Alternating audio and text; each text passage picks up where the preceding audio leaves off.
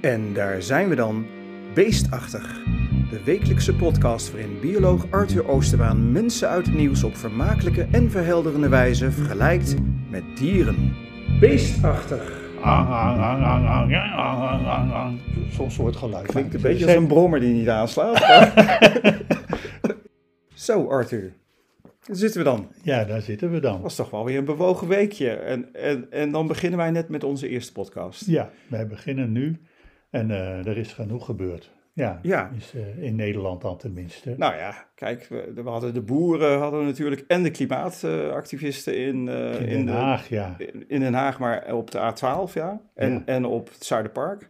Dan hadden we ook nog eens een keer de Oscars, de Oscar-uitreiking. Oh, ja. En dan hadden we natuurlijk ook nog de verkiezingen en de mega-uitslag van de BWB. Ja, ja, Maar en wie zou jij willen bespreken Ja. deze week? ja, ik vond dat er niet aan te ontkomen was. Ik stel voor om Caroline van der Plas of Caroline van der Plas, dat weet ik eigenlijk niet. Caroline. Caroline van der Plas, daar kom je niet aan. Ja, de, de grote winnaar van de verkiezingen natuurlijk. En het is ook een boeiende persoonlijkheid, dus eh, daar stel nou ik ja. voor om mee te beginnen. Inderdaad, hoe kom je om Caroline heen? En nou, laten we dat dan als eerste onderwerp van deze podcast beestachtig gaan doen. En ja, maar op wie lijkt Caroline dan? Met welk dier zou je die willen vergelijken? Vooraf wil ik even zeggen van ik, wil, ik ga haar vergelijken met een dier. Oh, wordt een disclaimer. Ik hoor Ja, een disclaimer maar- aankomen. Ik wil haar niet beledigen. Het dier wat ik voor, waar ik haar op vind lijken, dat heb ik heel hoog zitten.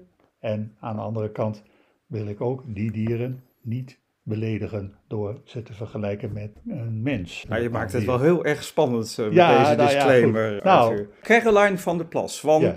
de politieke partij. Dat is dan toevallig hè, dat het de politica is deze keer. Maar van de boeren-burgerbeweging. Ja. Ehm, en met welk dier zou je Caroline... Nou, Caroline, ik hoop dat je dit ook hoort.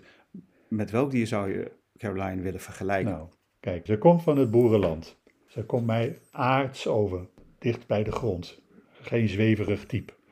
Eh, ze is behoudend. De partij is ook een behoudende partij. Ze is luidruchtig. Ze kleedt zich ook heel opvallend.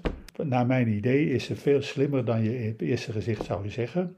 Maar ze is wel nogal eenzijdig. Ze komt maar voor één belang op. Die, die indruk heb ik in ieder geval. En ze is volgens mij heel sociaal. Ik ben toch telkens benieuwd naar welk dier het wordt, eh, Arthur. Nou ja, ik kwam uit op een typisch vogel van het boerenland. Een vogel dus, een gans. Een gans. Een gans. Gewoon, Eh, maar ganzen in alle soorten en maten, ja, geloof ik. hebt allerlei soorten ganzen. En in het geval van Caroline denk ik aan een grauwe gans. Een grauwe gans. Wel een vogel waar boeren een enorme hekel aan hebben, omdat ze zoveel gras vreten.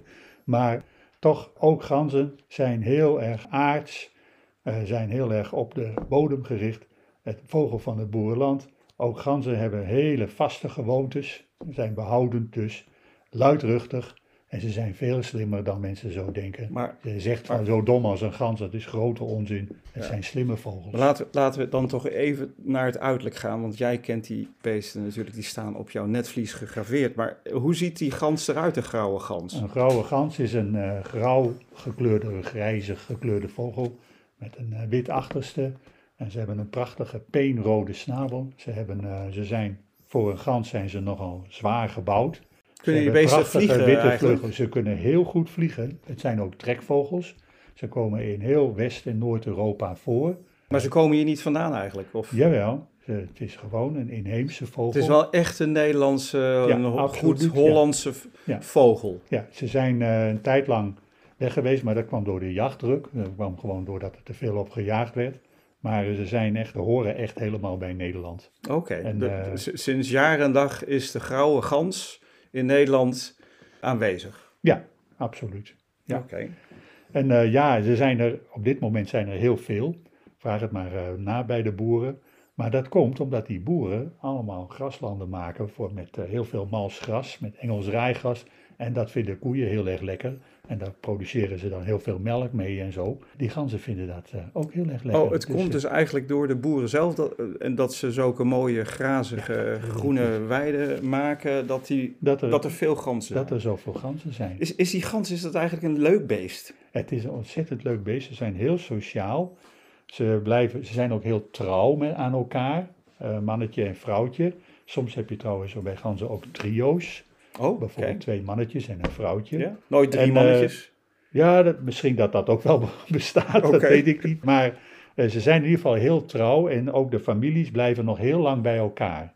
Dus de jongen blijven nog heel lang, een jaar lang minstens, bij hun eh, ouders. Vliegen ze mee op de trek naar het zuiden in de winter en dan in het voorjaar weer terug naar, naar hun broedgebieden. Oh. Het is ook wel grappig om te zeggen van eh, ze, voordat ze dus eh, echt eieren gaan leggen, zijn ze eerst zo zeg maar verloofd. Dan hebben ze wel wel een relatie, maar dan planten ze zich nog niet voor. Oh, nou, dat is, want, eh, Ja. dat is ook weer spannend. Maar het zijn dus eigenlijk best wel sociale dieren. Want ik Het zie, denk heel ik, sociale dieren. ik zie wel eens wat ganzen in de wei. En ik moet eerlijk zeggen, ik zie dan niet altijd meteen of het grauwe ganzen zijn. Maar het zijn sociale dieren en ze, ze leven toch in een soort familieverband. Ja, families en die families die maken dan weer clusters en er worden, uiteindelijk kunnen het hele grote groepen worden van honderden vogels. Je hebt de indruk dat ze elkaar kennen en dat ze ook op elkaar reageren. Dus, dus eigenlijk wel een beetje, uiteindelijk kunnen ze een grote groep worden. Caroline, die is best wel succesvol. Die heeft best wel een grote groep om zich heen gemaakt nu. Ja, eh, kijk, als zij de, wat ik denk van als zij de nadruk legt op het eh, sociale, sociale kant, dan heeft ze dat overgenomen van de ganzen, zou ik maar zeggen. En dan zou ze best heel succesvol Ze, kunnen lo- zijn. ze lopen ook altijd een beetje, vind ik, trots met die kop omhoog. Hè? Ja, Mijn vader zei altijd dat die beesten als waakhonden werden gebruikt, die Ja, ganzen. ja, ja, er is een heel beroemd verhaal van dat eh, Rome is ooit belaagd door de Galliërs. Dat waren hun vijanden en die belaagden de stad. Eh, de ganzen van het Capitool, het bestuurlijke centrum van eh, Rome, die eh, hoorden die Galliërs aankomen in de nacht. Waarschuwden, begonnen te snateren, te gakken. De Romeinen die werden wakker, zagen die Galliërs en wisten ze op tijd te verslaan. Jongen, Eh, Ja. wat voor geluid maakt zo'n gans precies? Eh, Zou je dat kunnen eh, nadoen? Ang, ang, ang, ang, ang, ja, ang, ang, ang, ang. Zo'n soort geluid. Klinkt een beetje als een brommer die niet aanslaat. Het is nogal, voor een gans is het nogal laag. Een koolgans heeft een veel hoger geluid. het is niet echt dat gak, gak, zoals wij Ja. ganzen nadoen. Ja, de, de tamme gans, de tamme boerengans, die witte gans, die eh, is dus de tamme variant van de grauwe gans. En die gakt echt. Ja, die gakt. En die maakt een nog wat zwaarder geluid, die zijn ook vaak wat dikker. Dat is dus overigens de witte gans, die dus, waar eh, Niels Holgersson eh, zijn...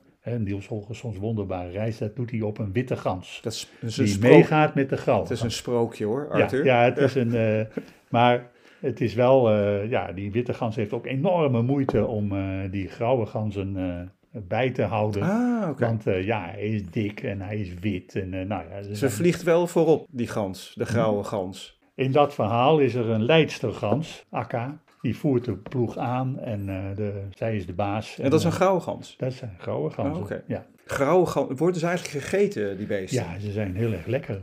Grauwe ganzen is gewoon een. eh, ja, niet overal mogen ze bejaagd worden, maar op sommige plaatsen wel en in sommige seizoenen. En ja, dan, worden ze geschoten en het is, vlees is heel erg lekker. Ganzenborst is echt heel erg lekker. Dus de mens is wel een soort vijand voor de, voor de gans. ja, ja, de mensen helpen de ganzen enorm, maar eh, ze is ook een natuurlijke vijand. Zeg maar. Zijn er ook andere natuurlijke vijanden van de gans? Ja, bijvoorbeeld eh, een zeearend. Eh, hier op Texel is het eens een keer geweest dat er een zeearend in de winter in Walenburg zat, in een natuurgebied waar ook veel ganzen zijn. En elke dag vrat die zeearend een gans op.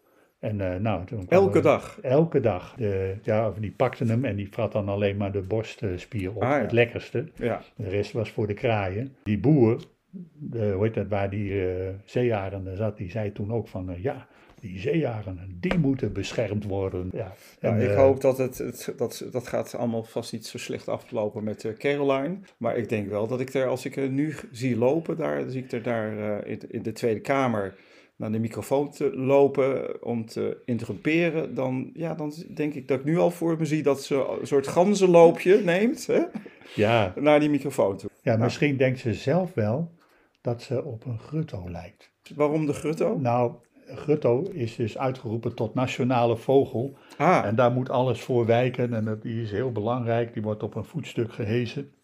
Nou, dat heeft die Gutto zelf niet gedaan natuurlijk, dat hebben mensen gedaan. Maar het, misschien dat ze zelf wel denkt dat eh, zij en waar zij voor staat, dat dat eh, het allerbelangrijkste in Nederland is. En dat daar alles voor moet wijken. Maar ja, ze kan natuurlijk gewoon een voorstel in, indienen, hè? een motie om de Gewoon, eh, nationale vogel, om daar een gans van te maken, de grauwe gans, toch? Dat zou ze kunnen doen, maar eh, het is toen destijds het gewoon, ja, je kon uit een aantal voorgeselecteerde vogels kiezen. En toen is het dus duidelijk de grutto geworden. Echt, eh, Ja. Ja. We zullen zien. Misschien komen we een volgende keer wel eens een mens tegen in het nieuws die op een gutto lijkt. Maar voorlopig Carolien van der Plas Ja. lijkt op een gans. Op de grauwe gans om precies te zijn. En ja, om af te sluiten, wat zal de toekomst zijn van de grauwe gans in Nederland? Nou, ik denk dat zolang de boeren eh, er nog zijn, zullen de ganzen ook wel blijven. Want eh, ja, die horen bij elkaar. En, eh, Een soort haat-liefde is dat. ja, Zo klinkt ja, het. Ja, dat noemen ze een symbiotische relatie. Ze hebben een symbiotische relatie. Maar daarin elkaar. kan de een niet zonder de ander bestaan. Precies. Dus Caroline kan niet zonder de boeren en de boeren niet zonder Caroline. En ze kunnen ook niet zonder de ganzen. Nou, kijk. Lang leven de gouden gans. Arthur, dank je wel weer. En ik ben benieuwd wat het de volgende keer wordt. Oké, Ja? tot de volgende Ik zou keer. zeggen, gak, gak, gak. Beestachtig. Beestachtig wordt mede mogelijk gemaakt door Skumkoppen 0.0. Geen 18, geen alcohol. En let op, Beestachtig is vanaf nu te vinden op Tesselse Courant Podcast. Zoek het op en volgen wordt op prijs gesteld.